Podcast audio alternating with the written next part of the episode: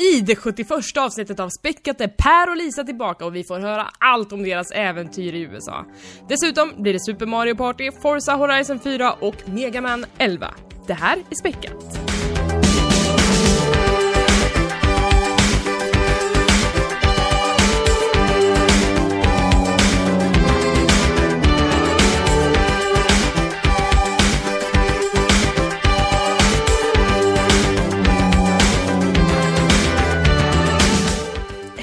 Och välkomna till Späckat, en podcast om spel och allt runt omkring. Det här är avsnitt nummer 71. Jag heter Elisabeth och med mig har jag mina små kycklingar från Amerika, Per och Lisa. Hej! Hej! Stort öppen. Välkommen tillbaka båda två! Eh, ni har varit ute på resande fot, jag och Tommy och Niklas har fått göra vårt bästa med att hålla skutan flytande, men nu är ni äntligen tillbaka och jag vill höra allt. Men först och främst, hur mår ni? Börja, vem vill börja? Lisa vill Här. börja. Jaha. Jaha, okej. Nej, Lisa, Smurf. två mot en. Okej, Kör nu! alltså jag, jag mår bra. Jag är sjuk nu, men eh, jag tror det är på grund av alla, allt resande. Mm. Men eh, jag, mår, jag mår skitbra. Är det så? Blir man sjuk av ventilering på, på flygplan? Är det så? Alltså jag är ju helt, ja, garanterat. Varje gång. Jag tänker också att när man är på så här stora event och så kommer man i kontakt med mycket människor och så är det mycket bakterier i omlopp. Ja, vi skyller på dem. Vi skyller på Ja. människorna. Det där Alla att sitta andra. och tro på den där idén att man skulle bli sjuk på flyg av ventilationen som går ut och in. Det är ju så livsfarligt. När man sitter väl på ett flyg och så börjar man tänka på det här. "Åh, nu håller jag på att bli sjuk. Och nej, luften loopas om och om igen. Jag måste hålla andan. Åtta Ja, timmar. Man bara, kan ni bara ta ner den där syremasken nu istället? istället för sen. Det är säkert i syrgasmaskerna det förvaras på riktigt. Liksom. Oh, Ja, det är det riktiga All viruset. pollution. Mm. Mm. Nej, jag, i, i, vi ska inte skrämma upp dig Per, för det känns som att du kan spinna iväg i de här tankarna också. Ja, För att inte tala om Tommy. Eh, Men, men eh, trots omständigheterna Lisa, så är det okej eller? Ja, jag mår så bra så. Mm, härligt. Eh, Och Per, hur är det med dig? Jag går ju runt och är väldigt rädd nu för att nu har jag varit på USA-resa och jag har varit på ett stort bröllop och jag är fortfarande inte sjuk. Det är någonting som är Mm. uppenbarligen helt fel för att liksom, det, det, det är klart att den ligger... Jag vet Du inte, det är svallvågorna. ja, inkubationstiden. Det är där jag befinner mig nu. Men det kan liksom slå till när som helst. Det måste komma. Det är liksom, man vet, det har gått ett x antal veckor sedan jag senast var sjuk. Så man känner det på sig. Så att, ja. Så att, Mm. Men det är som eh, när någon säger, jag kommer slå dig men jag kommer inte säga när. Ja, men precis. Så går man runt och rädd Exakt, hela tiden. exakt så är det. Det händer mig hela tiden. jag, alla mina kompisar gör så mot. Nej, jämt. Eh, men, men jag är också så här snuvig, men jag har ju istället världens dummaste situation och det är att jag är allergisk mot min egen katt. Så att jag, är, jag går ju runt i ett konstant stadium av snuva och eh, eh, typ rinnande ögon. Eh, men jag lever med det. Jag tycker att den här katten är värd det på något sätt. Men det är det här som jag tycker är så Jag konstigt, för det är ju en naken katt liksom. Ja, Man jag tycker vet. att det inte ska vara någonting. Nej, jag trodde också det och först till en början så gick det ganska bra men sen så har det ju varit kaos bara. Eh, så att det är ju tydligen inte pälsen det sitter i utan det är mer så här eh, kroppsyttringar som Erogener. saliv och svett och sådär. Ja. Alltså sånt, sånt som man kan vara överkänslig mot. Så att, ja, tji fick jag men Katten är ju hur god som helst dock. Ja men jag vet, det är ju en vän liksom. Man kan ju inte Ja. bara, jag är allergisk mot dig, du får gå liksom. Det kan man inte göra. Kärleken är störst vet ni. Ja. Eh, men hur har ni haft det då? För ni har ju varit på två väldigt olika uppdrag ute i världen. Helt eh, klart. Per, du har varit ute i jobbet, det har ju för sig Lisa också kanske. Men, men du har ju liksom varit mer ute och, och, och arrangerat någonting. Mm. Berätta. Ja, ja. Eh, som jag sa i, för några avsnitt, avsnitt sen så var jag alltså i Boston, i America. Eh, America och arrangerade, eller arrangerade gjorde jag inte alls. Jag var med och jobbade på Minecon Earth som är Alltså Minecrafts eh, eh stora evenemang för året där eh, ett antal eh, saker utannonserades. Speluppdateringar och är i största allmänhet ett ganska stort evenemang för att eh, binda till sig communityn och så vidare. Det arrangeras massa eh, local parties över hela världen eh, för att titta på det här och så. Annonseras Det måste ju vara så himla tacksamt med ett event specifikt för spelet man jobbar med. Alla är ju liksom fans från början. Alltså det, är, det hjälper ju också att, att jobba med typ världens största spel också. Det är i sig också väldigt tacksamt. För Eh. alla också. Det är ju inte en specifik liten målgrupp de har heller. Nej, nej precis. Ehm, så att vi Men får var... jag, fråga, får jag fråga varför man lägger det här, den här sändningen i Boston? Varför måste ni som jobbar med Minecraft, som jag, ja, i min värld så sitter ni ju alla i Stockholm på Södermalm och jobbar. Varför måste ni flygas dit för att göra den här sändningen? Ja men det är en lite svår fråga att svara på faktiskt. Och jag som, som liten eh, arbetsmyra i det här stora, eller litet Ja. kugghjul i det här stora maskineriet är svårt att besvara på. Men det ska ju sägas att Mojang, som då ursprungligen utvecklade Minecraft, inte är ensamma om att utveckla Minecraft längre. Nu så Mm. görs ju det här i samarbete med eh, Microsoft Studios. Eh, så att vi är ju två studios på det här skeppet som utvecklar olika aspekter av Minecraft. Och därför kan man säga att vi möts, vi möts halvvägs i en i, i Boston som både känns extremt europeisk men också är amerikansk. Liksom. Det är en, en av vad ska man, det är väl en, en settlerstad, eller man ska säga, en av de första amerikanska städerna som utvecklats. Och därför är jag väldigt så här, europeiskt influerad. Och jag sa det här till Lisa innan podcasten. Boston, vilken himla tuff stad alltså. Ja, jag, jag, jag, när jag var där senast nu så, så slogs jag av liksom skalan på alla byggnader. Man känner sig så otroligt liten i den där stan. Mm. Och de kan ju verkligen göra havsmat. Vad säger man? Seafood, alltså, ska, alltså ja, fisk och skaldjur. Ja. Nej, jag Jag, skojar bara. Det- där är jag, fantastisk. jag ville bara provocera lite där, för Elisabeth har sagt jag Jag tidigare. har hört den här historien. Var ni på den där restaurangen som, som du skickade en bild Nej, jag, jag lyckas ju dodga den, men däremot så gick är mina bra. kollegor på den specifika restaurang som du sa, undvik. Eh, Mm. Och de sa, nej men det var jättebra skaldjur, så att eh, antingen så har har de ingen ingen smak, Någon luras.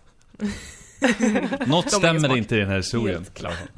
Ja, eller så var det jag som fick en jättedålig rätt. Ja, ja. Ja, det var, ju- Eh, men- för, jag måste ju få sticka in också, det var ju, jag var ju där under f- f- fyra, fem dagar. Och det var ju jättesvårt att fokusera på jobb, för jag tappade ju bort min, eh, min laptop på, f- på vägen Ah. dit. Tell us Eh, all about it. Ja, jag hade eh, väldigt tight mellan olika flyg. Så att eh, vi landade i New York och skulle vidare till Boston och där fanns det en väldigt, väldigt liten lucka för att ta sig till gaten på eh, kortast möjliga tid. På mitt boardingkort så har jag bara biljett för en resa. På nästa resa måste jag hämta ut ett nytt boardingkort. Så jag springer genom flygplatsen, försöker få ut det nya boardingkortet. Och när jag väl gör det så springer jag till gaten, trängs genom kön och får liksom på knagglig engelska be om ursäkt för att jag trängs. Uh, mår jättedåligt över det. Eh, lägger upp grejer på eh, bandet, inklusive min dator. Och väl på andra sidan så försvinner datorn, förmodligen snodd. Och Nej. eh, det här Alltså, hinner inte vilken- jag reflektera över, utan jag eh, plockar ihop alla grejer, springer snabbt till mitt plan och hinner med i sista minuten. Så att Ja, men datorn märker är på borta. flyget. Ja, mä- märker egentligen eh, innan att någonting är fel. Eh, Mm. Eller snarare sagt, ja, kanske ligger den i väskan. Eh, det, det är liksom... Det är så mycket tankar här, just bara att försöka hinna med också. Så att jag reflekterar inte. Jag utgår från att den finns med. Och Ja, nej, gud vilken terror alltså. Det är Ja, ju det mardröm. värsta när man inser att någonting är borta liksom och, och den, den Och mitt i klumpen den i magen. stressen. Alltså jag var ju helt förstörd och blev tröstad av kollegor i, i två dagar liksom. tills jag fick låna en liten tablet att jobba på. Och, eh, det här var ju kaos för att jag ansvarade i princip för all social media under... Eh, all social media som gick ut under hela eh, Minecon Ah. Så att eh, vi, vi hade förvisso förberett massa i, i god tid och allting. Men det är mycket som skulle gås igenom innan och... Eh, Ja, man var lite lätt stressad då, men på något, på något vänster löste sig till slut. Jag har dock inte fått tillbaka datorn. Mm. Ah, så trist. Alltså det är ju fruktansvärt. Uh, gud, jag lider med dig. Men gick det bra att jobba liksom trots allt? Alltså du fick låna en dator, hjälpte det liksom? Ja, ja, absolut. Absolut. Omständigt för att jag, jag, har ju, jag hade ju inte alls ett minne av mina lösenord eller någonting. Det kan ju också bli en Nej. lärdom till nästa gång, att liksom hitta ett bättre system för ens lösenord. Så det, tog det tog en halv dag liksom att komma åt allting, komma in på sin, på sin mail och sin eh, drive och allting. Och sen börja jobba. Gud. Ja. Och att det inte alltså. var en liten uh, sketen ThinkPad heller, utan det är precis. Macbook Pro 13! Åh, stackare. Aj, Men det var ett bra event för att summera Ja. liksom det här. Ja, okej. På, på, på en trevlig ton liksom på slutet. Ja, eh, jag måste också eh, flika in mig vad, vad, jag gjorde apropå liksom så här strul. Eh, så åkte jag till Växjö tillsammans med P3 för att göra P3 älskade och vi skulle streama därifrån. Och eh, eh, det är ju alltid liksom lite svettigt med att streama på en annan lokal, man har inte riktigt koll på var man ska sitta, om det finns nätverk och sådär, men vi hade varit väldigt tydliga med vad vi behövde. Eh, och sen så satt vi där och riggade hela eftermiddagen och sen när vi skulle trycka på gå live så funkar det inte. Då säger Åh. Twitch, eller OBS säger då, det går inte. Det finns en brandvägg här och vi bara, nej. och sen, vad som följer efter det är två timmar av felsökning, att skrika på människor, att jaga på människor, att försöka liksom gå och köpa saker eh, för att försöka lösa det här på alla sätt och vis. Alltså det, det var det värsta jag varit med om faktiskt. Så att det, det tog två timmar innan vi lyckades hitta en workaround runt den här jävla brandväggen för att komma Åh. ut på internet med våran stream. Vilken bajsmacka! Jäklar. Ja, det var en så otrolig bajsmacka och att man sitter där och liksom folk väntar på att man ska börja man, och, och svetten rinner liksom. Och var är streamen? Varför inte live för? Ja, men det pressen. Ja. Eh, ja, nej, det var också väldigt uh, struligt, men eh, kanske inte motsvarande att bli av med en laptop ändå, för det är ändå det är en bit av sig själv som försvinner, tänker jag. Men det är som en telefon, allting finns där liksom. Hela ditt liv Mm. är ju på den här grejen. Ja men det är ju så. Alltså, åh, det är jättejobbigt. Uh, Mm. Jag minns att jag hade så här inspirationsmapp. eh, Oh. Potentiella idéer för, Åh, för framtida artiklar och allting. Bara, nej! Det är därför jag, alltså det är därför jag gör mer och mer av allting på molnet. Och, eh, dels för att min stationära dator som jag har här, hemma, den bara... Den, den får blåskärm lite då och då, ibland så måste man formatera den för jag vet inte varför. Och då så förvarar jag allting mer och mer typ på så här Drive och Dropbox och sådana grejer. Så att det spelar ingen roll vilken device jag är på så kan jag ändå fortsätta arbetet någorlunda. Eh, som nu när jag åkte hem till min morsa, då glömde jag min Mac-laddare och då var jag liksom utan min dator. Då fick jag ju sitta på hennes dator och jobba istället. Men det gick bra. Ja, men det Eh, är molnet, det är en cool grej. är- Ja, det må, och det måste vara sensomoralen i den här berättelsen. För, för om in, jag personligen inte har lärt mig någonting av det här, då har jag ju tappat liksom 14 000 spänn helt onödan. Mm. Så att, eh, till alla kids där ute, ha... Molnet. Ha, ha, Backup. molnet. Backups. Tänk på lösenorden. Ha ett bra system. Det händer den bäste. Jag trodde att jag alltid hade koll på alla föremål hela tiden, men rätt som det är. Per Så trodde han var bäst. Jag trodde jag var bäst, Mm. jag var sämst. Ja, mhm. Ska vi gå vidare då till att höra om Lisas resa, har den varit lika eh, kantad av missöden? Nej, det skulle jag inte påstå. Men den har ju, ja, jag har ju både bra och dåligt att säga. Ja. Jag B- var ju- Börja från början. Så eh, jag fick reda på att jag skulle få kila iväg till USA. Fick inte prata om det överhuvudtaget. Fick inte ens säga vart jag skulle, Nej. vad det var för. Så det var ju väldigt hemlighetsfullt sist vi pratade om det här i podden. Men eh, jag eh, drog till West Virginia för att titta på Fallout 76. Alabama, Wow. country Ja, men du vet. Ehm, med Ja. Bethesda, så det var ett jätteextravagant event. Eh, vi kilade in till Washington. Bodde där över natten på Marriott på flygplatsen. Mm. Eh, vaknade tidigt på morgonen, åkte privatjet Oj. från Washington till, Oj. Vad hette det, White Sulphur Springs, tror jag det hette. Vänta, då måste jag fråga, det här pri- privatjetet då, hur många, är det ah, bara för press då som är ombord Bara på det här? press, ja. Ja, och hur Hur många, många rör personer? Eh, ja, vad kan det ha varit? 15, 20 kanske? Okej. personer. Eh, överröstas med chips och grejer på resan. Och jag bara, ah, men det här är redan bättre än eh, vad jag kan förvänta mig liksom. Mm. Eh, landade, kom till ett ställe som, ja men det kan väl liknas Vita huset liksom. Stor, alltså massiv byggnad med vit och liksom superextravagant, världens trädgård, golfbanor överallt. Egen kyrka på, på the grounds liksom. Är det som, Eh. liksom, som en resort nästan? Ja, det är en, en resort, femstjärnigt hotell liksom. Mm, mm, mm. Eh, som tydligen hade en, eh, ett fallout shelter för ja, men, guvernörer och presidenter och Ah, så det finns en liten lite tanke sånt med... fräsigt. Som ni fick det se var- också, jag antar att ni gick Vi ner fick gå in i bunkern, ja. Eh, inga telefoner. Så vi fick inte ta bilder med kameror eller någonting. Ah, okej. Det stod det på utsidan, eh, det var lite roligt innan vi gick in. Eh, no cell phones, no cameras, no handguns. Oj, ja, nej okej. No Så bara. De är likvärdiga alla, alla, alla de. Eh, så vi var där eh, i två dagar, två dygn. Eh, och fick liksom käka gott, spela spelet. Eh, ja, men uppleva ett eget Reclamation Day Party.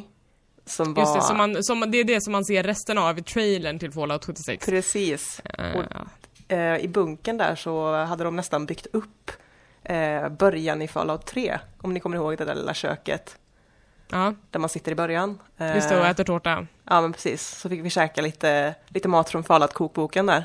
Mm, just det, Innan- den kommer ju snart va? Ja, innan partyt. Jag måste ju Eh. spontant så här direkt, eh, nog så jag har mycket historier från kollegor som åkt på liksom sjuka resor, men det här är ju en av dem som, det låter som det är en av de mest påkostade jag har hört. Alltså att Ja, de det verkligen var- sonderat terrängen för att hitta rätt och återskapa en miljö och sätta Ja. journalisterna i rätt stämning och... Verkligen. Jag kan säga att eventet var ju helt klart det bästa jag har varit på. Utan Mm. tvekan. Eh, och jag menar, det var ju verkligen en exklusiv resort. Du, det märktes ju på de som bodde där, resten av gästerna liksom. Det märktes ju redan innan vi kom in till själva resorten. Det var en säkerhetscheckpoint. Mm. Innan vi kom in med bussen liksom. Som behövde ha ID på de som satt i bussen. Innan vi liksom ens kom in på, på området. Sånt det. här är ju helt sjukt faktiskt. Alltså komma Och in man på, liksom satt där och när man gick in, när vi checkade in så fick vi ja, men rum, rumkorten, rumnycklarna med eh, Fallout-tema. Stod namn och att vi var test subjects i Vault 76. Mm. Fick champagne när vi checkade in liksom. Eh, men någonting jag märkte som var lite av en kulturchock eh, Mm. var att jäklar var de, ja men societeten, det var ju det det var, som bodde där när vi kom dit. Eh, hade inga problem överhuvudtaget med att säga vad de tyckte om att vi var där. Oj! Eh, när vi gick förbi, liksom, några av, några av oss gick ju liksom i mjukisbyxor och, och keps. Ja, vad säger, Eh, vad och säger så de hörde då, man liksom, ja men de suckade och ja men liksom de här har inte råd att bo här. Vad gör de här? Kan de inte bara dra hem? Oj! Va, fram, framför er, helt öppet? Ja, ja, ja. Liksom, ja, men de liksom lutade sig tillbaka när de gick förbi och liksom, så att man skulle höra. Men det är som, sånt som man ser på film och så tänker man alltså där är ju inte folk på Ja, riktigt, det måste vara men någon så här ond karikatyr av rika människor. Men Ja. då, då är det liksom, det är så på riktigt liksom. Eh, Men, men, men däremot, vad, vad gjorde ni då? Ni bara svalde ni det eller liksom typ... nej, det, eh, en le kollega, lite. kollegan jag var där med, eh, han vände sig om faktiskt när, eh, när vi var, gick förbi ett sånt par. Och sa han, eh, "Ah, imagine having to pay to, to stay here. Ehm, så alla tog inte emot det. Eh, däremot så var personalen där så ja, men otroligt schyssta. Jag ja, men känner det att... måste de ju eh, vara liksom. Fast det här är ju fällan att, också. ehm, Det där är ju fällan att komma som svensk och bara ja men åh de är så fina. Eh, eh, fast det är liksom en del, det är ju så viktig service. Du måste Ja, ja, ju vara såklart. liksom korrekt Men jag kan och, tänka att eh, det var en frisk fläkt för vi var ju verkligen amazed. Eh, vart vi än gick så var det liksom ja, men, chitter och chatter om hur fantastiskt det var att vara där. Ja. Mm. Eh, och jag kan tänka mig att det blir, ja men det blir ju svart på vitt där. Vilka som uppskattar upplevelsen och vilka som kanske inte, ja men de som går runt som de äger stället liksom. Mm. Men mm, jag, tänk, jag, har, jag får ju mycket blandade känslor när jag hör om de här sortens event, för jag vet ju att de pågår och jag vet att journalister blir ditbjudna. Eh, att man ska liksom mjuka upp dem innan man ska spela Ja. ett spel. Och det, det är ju det som min största fråga är liksom, eh, dels så att det finns ju alkohol på de här ställena. Eh, Ja. Är det så att folk dricker innan de spelar spelet till exempel? Eh, Oh, ja.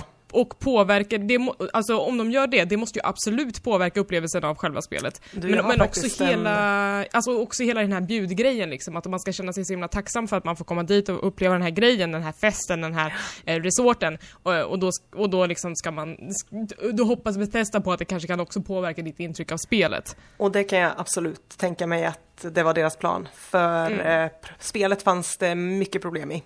Mm. Eh, och jag vet ju liksom, jag drack ju inte i stort sett Nej. överhuvudtaget när jag var där för jag ville ja, men, ha en clear head. Ja, ja man, Eh. man gör ju det för att jobba liksom. Precis. Eh, Fast det är långt från självklart med många eh, Ja, speljournalister. jag har faktiskt ska en rolig, också. en rolig historia. Jag vet ju inte, jag vet inte vem det var. Jag vet bara att det var någon från EU-pressen. Mm. Eller en influencer, jag har inte jättestor koll. Men det var ju någon som blev utburen Oj! från Reclamation Day Party och dagen efter, morgonen efter var det ju spelsessionen. Ja, Så det var ju definitivt inte självklart att inte dricka. nej. Ehm, men eh, jag ah, helt klart så var ju eventet för att mörka lite. Mm. För, Att försöka liksom släta över allt som Ja, men är fel precis. med för spelet. jag, jag är helt hundra på att de visste, eh, visste om alla problem. För det var, om ni har läst några previews, Jag har inte Eh. gjort det faktiskt för att jag har försökt spara mig till att, för jag visste att vi skulle sitta och prata om det här idag Ja, så jag tänkte att jag vill höra din version. Eh, för det har ju inte fått eh, jättebra previews eh, från någon egentligen.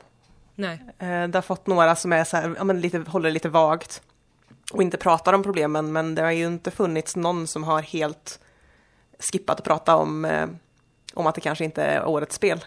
Nej. Eh, men jag har, ju, jag har ju en rolig historia som var specifikt för mig.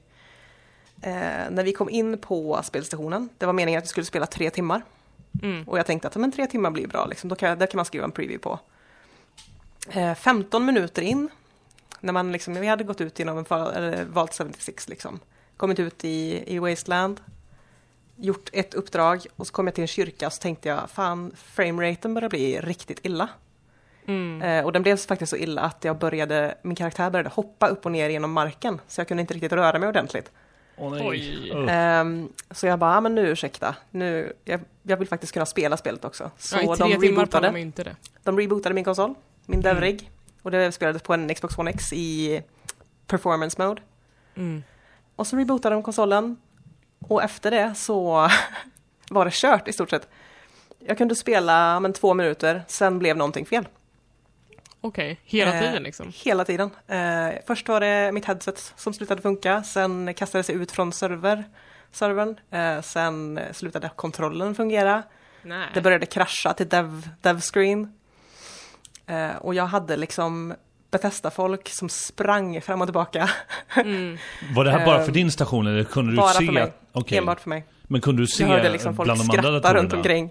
Kunde du se bland de andra datorerna att det fanns, att du var den en, att, Ja. om du var den enda som hade problem eller om det var fler Jag som... var, jag var den enda som hade de problemen och jag tror det hade med, med riggen att göra. Mm. Eh, men det var underligt att de inte bytte ut den från början. Ja. För jag hade ju faktiskt problem 15 minuter in och genom hela spelsessionen. Jag Mm. fick spela 15 minuter i början och 5 minuter i slutet. Okej, så du har timmarna. inte fått den här upplevelsen som alla andra har fått? Det som hände, det som de fixade för mig var ju att efteråt så sa vi det att ja men nu är det upp till er eh, om ni vill att jag ska skriva en, en preview på 20 minuters speltid. Varav ja, 15 var illa. Mm. Eh, så de fixade att jag fick spela en timme efter att alla hade dragit med eh, devs. Okej. Vilket var jäkligt tur, för annars hade jag inte kunnat gjort någonting överhuvudtaget. Nej. Det hade ju varit en resa till West Virginia helt i onödan. Ehm, så jag fick spela, fick lite exclusives, ehm, fick se ett monster som ingen annan fick se, bland annat. Vilket Ah. jag, jag kan tänka var lite plåster på såren. För det Ja. var många, äh, många av utvecklarna som inte ens hade sett. Ah. Men, men kan du, kan du liksom, vad, vad får du för känsla av Fallout 76? Liksom, vad är det för slags spel? Är det liksom ett Fallout 5 eller är, vad, vad är det för någonting? Eh, det är ju alltså det är frågan många har ställt eh, direkt efter eh, utannonseringen egentligen. Eh, Mm. De vill ju, de vill ju liksom få in både MMO och multiplayer-fans samtidigt som de vill ha, ha tillbaka Fallout-fansen. Mm. Eh, och jag tror att kompromisserna de har liksom tvingats att ta sig till nu på grund av att de har försökt att ja, men locka allihop eh, förstör för båda.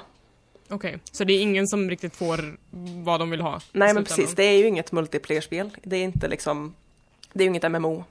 Och det är heller inget single player-spel. Det finns till exempel inga NPCs överhuvudtaget i spelet, förutom robotar som bara dräller. Du tradar med andra, andra människor och det kan ju gå som det går. Um, PVP är liksom rolig, men den är ju bara rolig om du har någon att PVP med. Så jag vet inte riktigt vem spelet riktar sig till riktigt. Det är liksom lite i limbo. För PVP-spelare spelar ju ett, ett full-on PVP-spel om de vill spela det liksom. Eh, och de som vill spela single player-spel spelar väl Fallout 4 istället. Ja, precis. Så det känns Det som ju att det- de kommer falla, ja, men, falla igenom gallret lite. Mm. Eh, samtidigt som frameraten och ja, men det var ja, bland, eh, bland de värre spelen jag har spelat i framerate. Men det här tycker Men inte jag man känner, eller märker av lite i folks re- reviews. Jag tycker att folk har varit väldigt försiktiga. De har inte Ja. liksom ren, rent sågat det, utan lite mer, ja det, det här har lite, lite problem eller något. Ja, men det Och- var, jag kan, jag kan säga att alla jag pratade med på eventet hade samma problem. Att det liksom var nästan i stort sett os- ospelbart Mm. på eventet. Och det var inte bara jag som hade problem med min rigg utan riktigt illa, tyvärr. Men det var ju liksom att, att det var spelet i grunden som, som inte är färdigt. Precis. Och det är Men- ju inte långt till, tills launch heller. Nej precis, det är ju ungefär 4-5 veckor kvar. Så Är Mm. du orolig? Ja, ja, ja, absolut. Jag kommer fortfarande spela det för jag, jag, vill, jag vill se hur de, hur de löser allting. Ehm, Mm. Men eh, det ska bli ja, intressant att se vilka det är som faktiskt kommer lockas. För av det jag läser, eh, jag har ju läst lite kommentarer på olika previews. Mm. Och det verkar inte vara många som faktiskt ser fram emot Fallout 76. Just för att, att de, de caterar inte till, till någon specifik grupp. Nej, de får liksom en identitetskris på något sätt. För att jag, det är ingen som förstår vad det är, vem det är till för. Och när man sprider ut sig för att tilltala alla så tilltalar man ju till slut ingen alls om det blir Precis. tunt liksom. Precis. Eh, ja, det, det, är ju, det bekräftar ju liksom mycket av farhågorna man fick när man fick höra talas om det här för första gången. Ja, Och det jag skulle säga att det, det är ju en spin-off. Ja. Någonstans emellan Fallout 4 och ja, men, en, deras take på Elder Scrolls Online. Liksom. Ja, Det är ett mellanting. okej. Ja, det känns, det känns inte superlockande alltså. Nej, inte för mig heller. Men det ska bli kul att se om de lyckas fixa problemen. För Mm. då kan det ju i alla fall bli ett spelande till slut. Mm. Ja, jag kommer nog också testa liksom. Det är bra att se liksom vad de har tänkt och, och mm, försöka känna av vad ambitionen är versus vad man levererar. Ja, precis. Men jag kan ju säga Mm. att eventet var... Det är ju någonting jag aldrig kommer glömma. Nej, Var det omständigt att komma tillbaka till Sverige också? Jag tänker, hur, hur, hur mycket flyg fick du ta? Det där tycker jag, resan Jag tillbaka var dryg. En ganska rolig historia gällande resan tillbaka. För resan till, eh, vi åkte igenom eh, DC. Och Allting gick helt smärtfritt tills dess. Och två minuter innan vi skulle båda så fick vi höra på SAS-planet vi eh, var tvungna att avlösa brandsläckarna i bagageutrymmet. Så ni kan inte ha med er bag- ert bagage. okej. Och jag bara, vad hände nu? Brandsläckarna? Och de bara, "Ja, vi fick en, en eh, rökvarning. Nej, nej. Men vad är det som händer? Åh, Och så tänkte jag, det första jag tänkte var, varför pratar de om, det är nästan som att säga, det brinner i planet, men ni får komma på snart. Då känner jag, det finns ju folk som är flygrädda Ja men precis. nej fy fan. Så Jag, jag får ju rysningar bara jag hör det här. Ja. som satt. Hon såg så skräckslagen ut. Nej. Hon liksom grep tag i, i armstödet på stolen hon satt på och stirrade rakt fram liksom. Nej. Och de försökte liksom efteråt så kom de tillbaka och pratade liksom, ja ah, men det, det brinner ju inte såklart men, men eh, det var liksom ett, ett röklarm. Så vi var tvungna, liksom, taking security precautions liksom. Mm. Men jag tänkte att, ja men istället för att säga det och liksom göra alla helt panikslagna som sitter och väntar på båda så hade ni ju kunnat sagt, ja men tyvärr så, men personalbrist eller något. Så kan vi inte ta ett bagage. Ni får det hemskickat imorgon. Eller köra den här klassikern som man gör med svenska tåg. Ja, det är ett eh, signalfel. Ja, precis. Precis. Så eh, det var panik eh, på, på flygplatsen. Men ja, det brann, vi brann inte upp, så det är ju ett, ett plus. Det var bara två, två timmar försenade. Eh, fick Mm. åka... De löste det faktiskt riktigt bra, för vi missade ju vårat connecting till Stockholm. Vi åkte genom Danmark, Köpenhamn. Eh, men när vi kom till Köpenhamn hade de redan fixat ett eh, connecting flight. Så vi fick vänta i vadå, 20 minuter på den flygplatsen och sen åka hem liksom. Så det var ganska smärtfritt ändå. Ja, skönt. Men, men ändå händelsefullt fast smärtfritt. Ja men visst.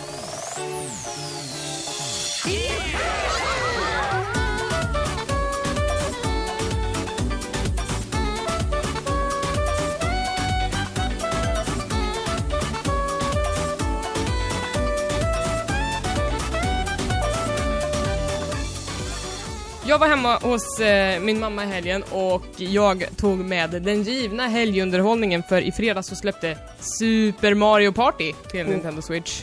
Eh, Mamma mia. och eller hur? Eh, så jag testade ju det lite grann på Comic Con och jag slog så, eh, så otroligt av hur tillgängliga kontrollerna var att liksom, jag kände att vem som helst kan spela det här och jag ville liksom få bevis på det omedelbart. Så att mamma fick bli liksom min första spelkamrat när, när spelet kom. Din första Eh, nemesis. Ja men precis, alltså jag, vet- jag kände att jag ville sätta min teori på prov och gud vad jag fick svar på den. Nej men eh, jag vet inte, är ni, eh, har ni spelat liksom mycket Super Mario Party i det förflutna? Ja, det var ett tag sedan dock. Men Ja. Jag har faktiskt varit riktigt pepp på Super Mario Party nu. Jag tror jag Ja. spelade Eh, men det första har- Super Mario Party. Eller Mario Party heter det väl bara, Ja. ja. men ja. Mm. Jag, jag körde på GameCube Super Mario, eller Mario Party 4, Mm. tror jag. Och det, jag minns att det var så himla himla kul då, men sen några år senare så tog jag med det typ till mina klasskompisar på, på högskolan och så skulle vi spela det och alla bara, det här är så sjukt långsamt. Ja. Det här är, alltså det, det går, tar, tar så sjukt lång tid och det är så sjukt tråkigt verkligen. Eh, och, då, och då kände jag att okej, nu pensionerar jag det här spelet för det hade inte åldrats jättebra. Så att därför såg jag verkligen mycket fram emot det här eh, nya spelet. Eh, och det vi kan säga om det, vad som är nytt, eh, alltså det finns ju kvar det här brädspelsläget, ni vet när det är fyra personer som slår tärning, går runt på bräda och sen så utmanar man varandra i minispel i slutet. Det finns ju med. Ehm, det finns ett lite mer co-op-aktigt läge där man ska typ eh, göra forsränning tillsammans, alla paddlar en båt eh, och så ska man typ paddla in i olika saker och försöka, man ska välja olika tunnlar och så finns det olika vägar att gå och sen så är det minispel bakat in i det och sen så finns det typ ett spelläge som är rytmspel. Eh, har jag missat någonting då? Jo, det här brädspelsläget finns också i någon slags co-op-variant så att man inte behöver bli förbannad på varandra.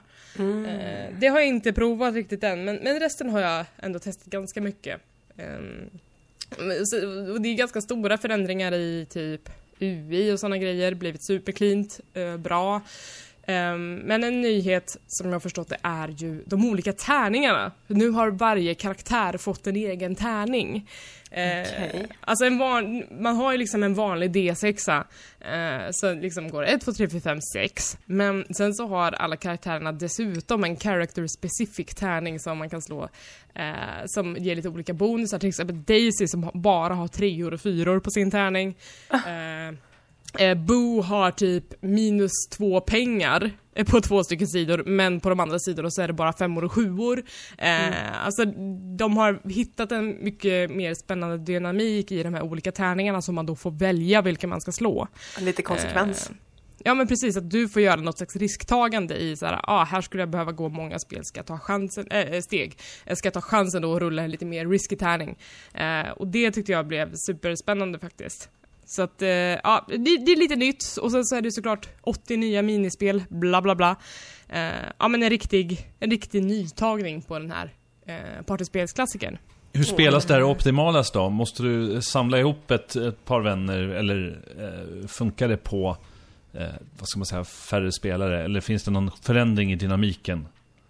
Alltså jag spelade ju lite ensam och då tycker jag att det här brädspelsläget det blir ju pisstråkigt liksom. Att, Mm. Ja, vill man spela för att låsa upp grejer eller få avverka grejer så kan man göra det själv mot datorer men det är inte superkul liksom. Att, jag tycker att, att eh, 80% av glädjen i Mario Party ligger ju i att man sitter tillsammans och tjuvnyper varandra innan man snor pengar och stjärnor från varandra och sådana grejer, du vet. Eh, så att, eh, jag, jag tror absolut att det är optimalt att man är flera som spelar tillsammans. Det går att spela två, men jag skulle helst vilja köra en full fyramannasättning, vilket jag kommer göra på torsdag tillsammans med Peter Spel. Då ska jag få testa det liksom i sin, i sin mest optimala form. Kul. Men, eh, men när det gäller Tios-kontrollerna och just min teori, det här med om, om min mamma skulle kunna spela det, så gick det utmärkt faktiskt. Ehm, hon lyckades ta sig an de allra flesta brädspelen. Det är väl just det där med joystick som är lite svårt ibland. Mm. Eh, men, men när det var så här gyrokontroller och sådana grejer, det gick ju svinbra. Eh, vi hade jättekul när vi spelade en massa minispel tillsammans. Så att, eh, kul för hela Men, familjen. men är din mamma en så bra måttstock då? För jag har fått intrycket av att hon kan ju spela allt möjligt. Hon kan ju liksom sätta sig ner och spela Starcraft om hon får möjlighet. Starcraft får hon spela, men, men handkontroller är ju inte någonting som hon är van vid. Okej. Ehm, så att, eh, Det är ju understandable såklart. ja, så att hon, hon, har ju, hon kan ju mus och tangentbord och sådana grejer, men, men just det här med eh, jag vet inte, det är någon slags fin motorik man lär sig när det kommer till just hur man... ja, hur man rör sig naturligt med en handkontroll helt enkelt. Det där kan jag relatera när jag en gång i tiden lät min farfar provspela eh, Super Mario Bros 3. Och jag satte en kontroll i honom och han sprang ner i avgrunden i typ sådär fem gånger. Jag bara, men Ja, farfar hopp, hoppa då! Och han sa bara hö, hö, det här är jättekul. Jag, bara, jag kopplade inte varför han inte... Det, det är det mest självklara men ja. Ja.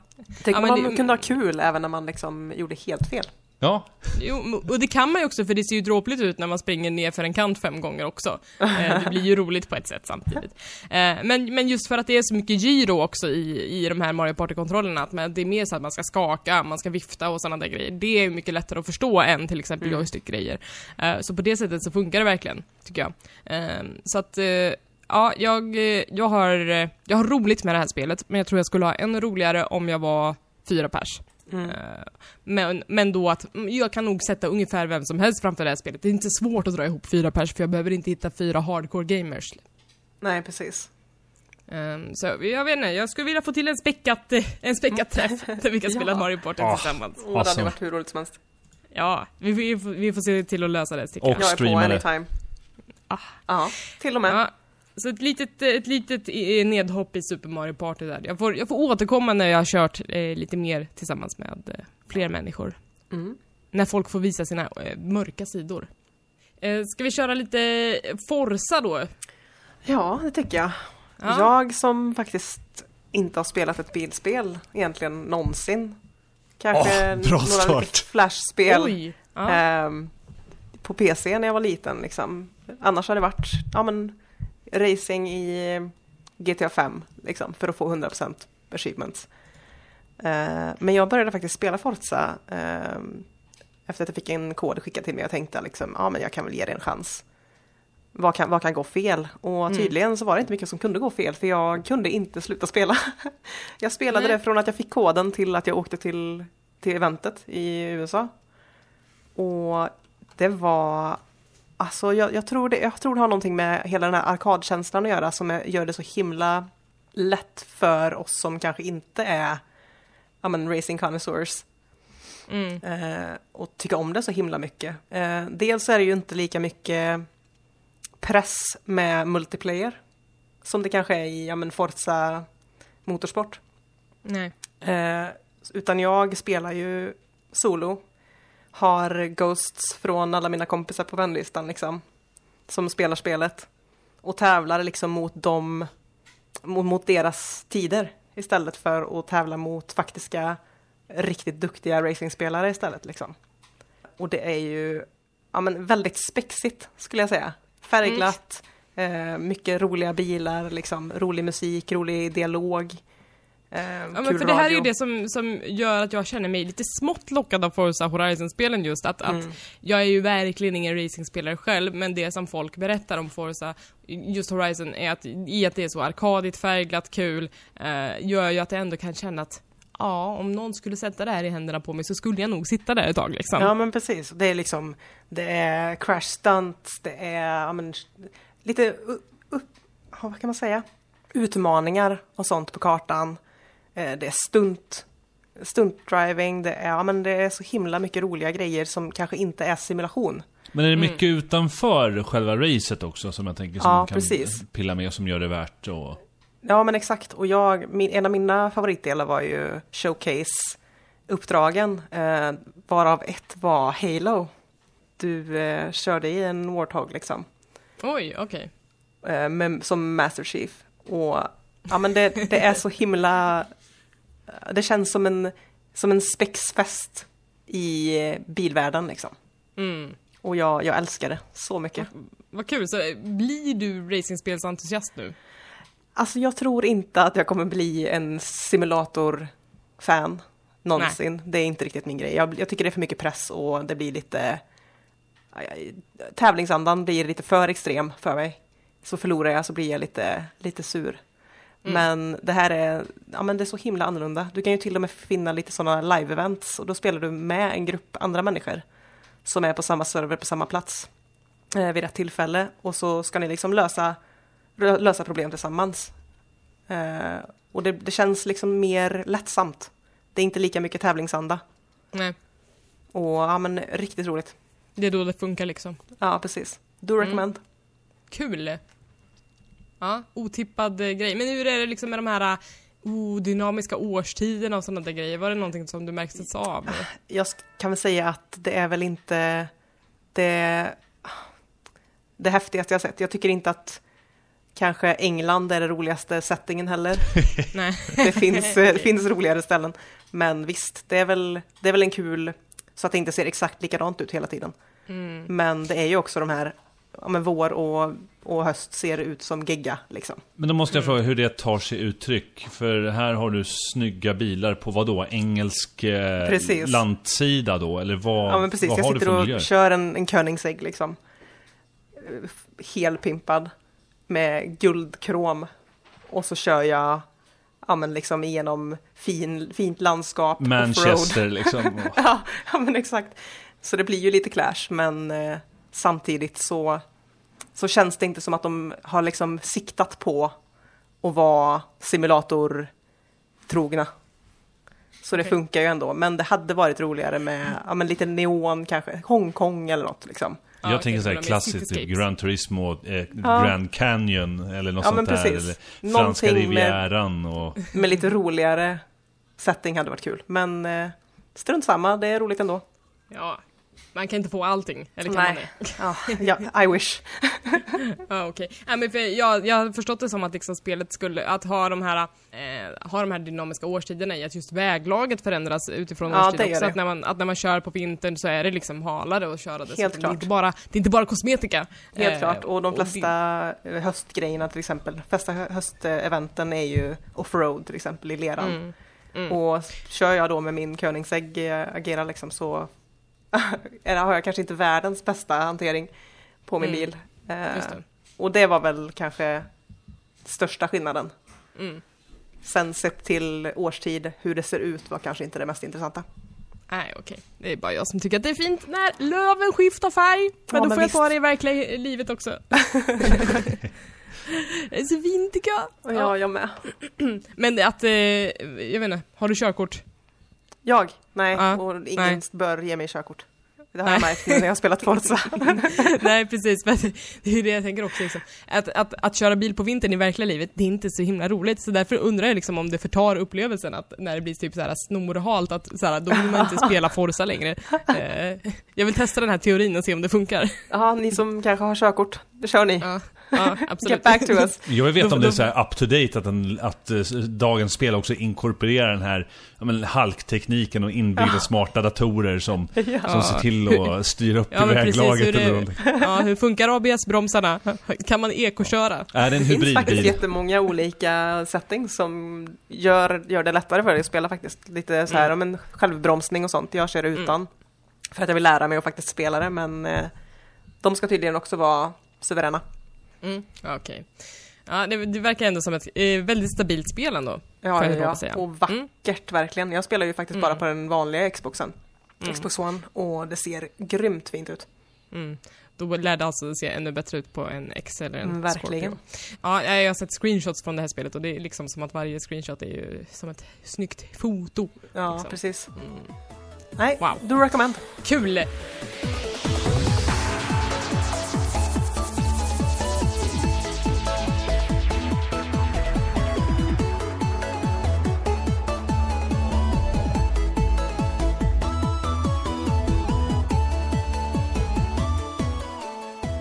Per, ska du få avsluta det här segmentet och därmed den här podcasten med kanske ett av ditt, ditt mest eh, efterlängtade spelsläpp i år? Ja, det får man säga. Eh, jag ska ju först och främst säga att ja, jag har då spelat Mega Man 11. Och Wow! det här är stort för mig. För häromdagen så recenserade jag Mega Man 11 i Aftonbladet och då tänkte jag så här, fan om Per, eh, 13 år, hade, hade vetat det här nu, då hade han gått i taket. Wow. För att eh, jag har varit ett ganska stort Mega Man-fan genom hela min uppväxt. Har spelat eh, i princip hela originalserien. Eh, väldigt mycket av X-serien, Legends. Så att jag har till och med tecknat serier på Mega Man en gång i tiden. Eh, Så att... eh, det var- Dedicated. Ja, verkligen. Så att, nej, men det, var, det, var, det var stort för mig att få, få spela det här. Och eh, vi befinner oss i något av så här renässans för Mega Man-spel. Jag tänker främst på nian och tian då, där man gjorde det i ett eh, retroperspektiv. Att, ja, man, det, det, det släpptes ju som om det hade släppts på Nintendo 8-bitars. Och höll sig jävligt bra för att det var så kalasbra bandesign.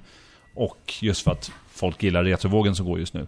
Mm. Eh, Mega Man 11 surfar inte på den retrovågen utan tar det här till eh, en 3D-värld istället, mer modern tappning. Eller det är mm. inte 3D, men det är fejkad 3D. Så är vi kan... det 2,5 D? Ja, exakt. 2,5 D. Så att det är liksom... Men hur, hur känner du inför det? Tidigare har jag varit skeptisk över det. det här, de här förflyttningarna har, har ju skett tidigare och gjorts ganska så dåligt. Inte minst mm. i, i X-serien. Så att jag, jag var väldigt skeptisk till det.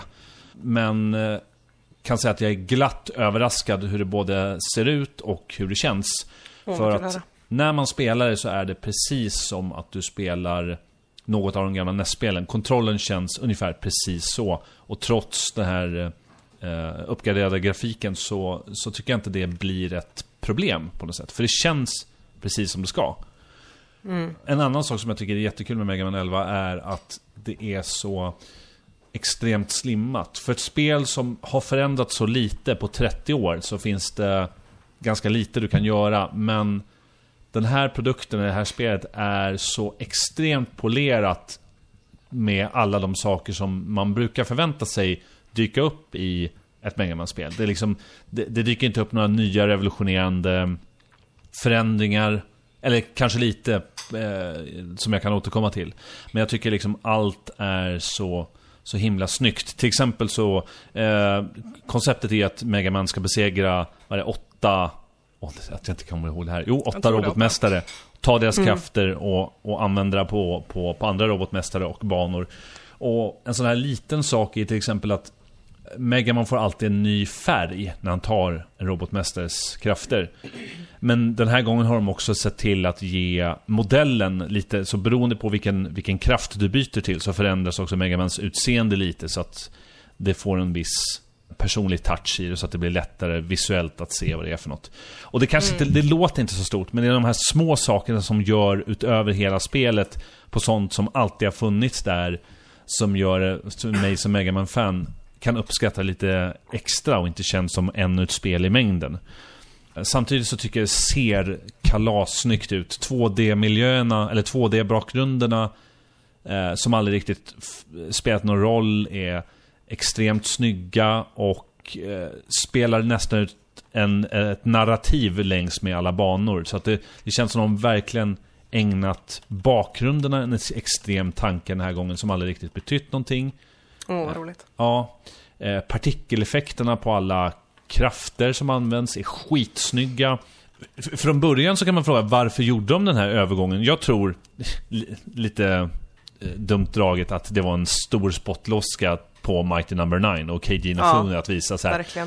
Det här kan vi göra så mycket mm. bättre. Och det roliga är att Capcom gör det alldeles utmärkt utan KG Inafune. Och ett annat problem med, med Mega, eller Mighty Number no. 9 var ju att bandesignen var supercrap.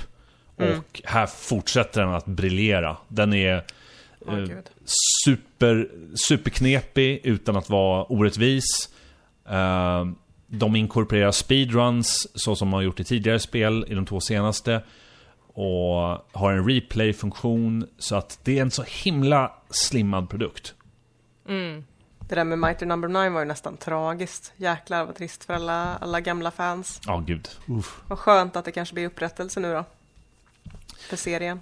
Ja, det är inte upprätt... Ja, för jag minns, jag minns att du var väldigt eh, besviken efter Mighty Number 9 också, så att jag hade satt så här och bet på naglarna och tänkte gud, tänk om Megaman inte är bra mm. längre generellt. Eh, men det var ju skönt att höra att det inte var en bärare för hela Uh, ja, för hela, vad ska man säga, det är inte en genre, eller ja. ja. Nej, det viktiga är att säga också att det är, inte, det är inte samma utgivare. Capcom gav ju inte ut Mighty Number no. 9, utan det var just mm. Megamans en av... KG. Ja, mm. som inte är Megamans mm. skapare, men som är i alla fall en som har liksom uh, utvecklat Megaman i, i i ja, ja, säkert 20 års tid. ja, och när han, men när han liksom gick ut med Mighty Number 9 så, ville, så känns det som att hela PR-apparaten pressade väldigt hårt på just att han var inblandad i Megaman. Ja, att verkligen. Det var det det skulle rida på på något sätt. Absolut. Mm. Nej, Ja, men, men, så men, det, skönt att det här är bättre liksom. det är svårt för mig också att veta om det här är ett bra spel. För just nu, jag är jättenyfiken på, jag vill att så många som möjligt som aldrig rört ett Mega man spel ska sätta sig och spela det här och avgöra om det är ett okej eh, plattformsspel. Jag pratade med en, en kollega eh, på jobbet som har jobbat, jobbat inom brittisk spelpress och han sa att jag spelade demon, jag avskydde det. Och han kommer från en bakgrund av så här Hollow Knight, eh, eh, Dead Cells och massa andra. Så att det kan vara så att Mega Man inte är rätt i tiden, men för mig som Mega man fan så var det här ett ruskigt bra spel. Ja, precis. Ja. Jag eh, är ju också mitt i Hollow Knight och Dead Cells så jag kanske inte ska prova det nu. Inte? Nej, jag tänker Jo. om, om han fick en dålig upplevelse av det så kanske jag också Ja men, ja, men han, han är en bitter britt. Eh, Ja, okej, men ni- ja, mm, okej. Ja, nej, Ja, så... eh, är inte så mycket att tillägga egentligen annat än att... ehm, Du är nöjd? jag är väldigt nöjd och hoppas att det kommer fler, att det här blir starten för att våga släppa fler Mega man spel i en modern tappning. Mm. Hur, hur långt kan man dra Mega Man? När är det nog? Liksom, kan, man mjölka, kan man mjölka sönder det liksom? Alltså, ska man vara sån så... Capcom tog en paus varpå det blev det här Mighty Number 9. Det hade ju aldrig hänt om inte Capcom varit så skeptiska. Och sen någonstans har de kommit på att Mega Man fortfarande är ett varumärke. Och för att svara på din fråga, det har ju gått alldeles utmärkt att utveckla nästan exakt samma spel i 30 års tid. Så tydligen så, Ja. så går det alldeles utmärkt. Eh, Det kommer att ha sina fans. ja. Mm, jag fattar. Ja, nej men vad skönt att, att du i alla fall har fått det du vill ha och att Mega man fansen förhoppningsvis är nöjda. Mm. Man undrar ju er det, tänker jag. Ni har hållit fast vid den där spelserien i år och år och år. Eh, så man vill ju att ni ska få vara kvar där och vara nöjda för allt. Jag är bara imponerad att de fortsätter komma på nya robotmästare med lite dumma namn. och Liksom. Det är återanvändning på samma tema hela tiden, men de hittar liksom nya... Ja. Imponerande. Ja, det, det är imponerande verkligen. Ja men eh, då har vi en, eh, fått en liten redogörelse av då Super Mario Party, vi har pratat om eh, Fallout 76 och Forza Horizon och Mega Man 11 ändå eh, Fallout 76 kanske svagast av dem, men resten väldigt stabila spel. Kul! Ja. Kul för spelhösten, Rolig, jag. rolig månad. Ja, men bra spelår så här långt alltså. Eller nu är det inte så mycket kvar, men... eh, Det finns Ja. mycket att vänta på också.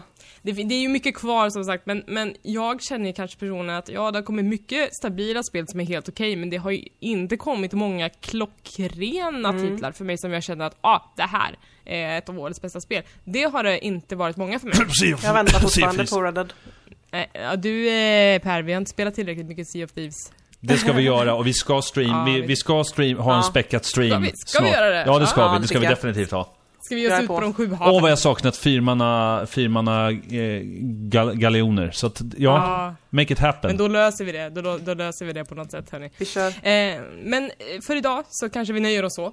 Ja, jag är nöjd. Ja.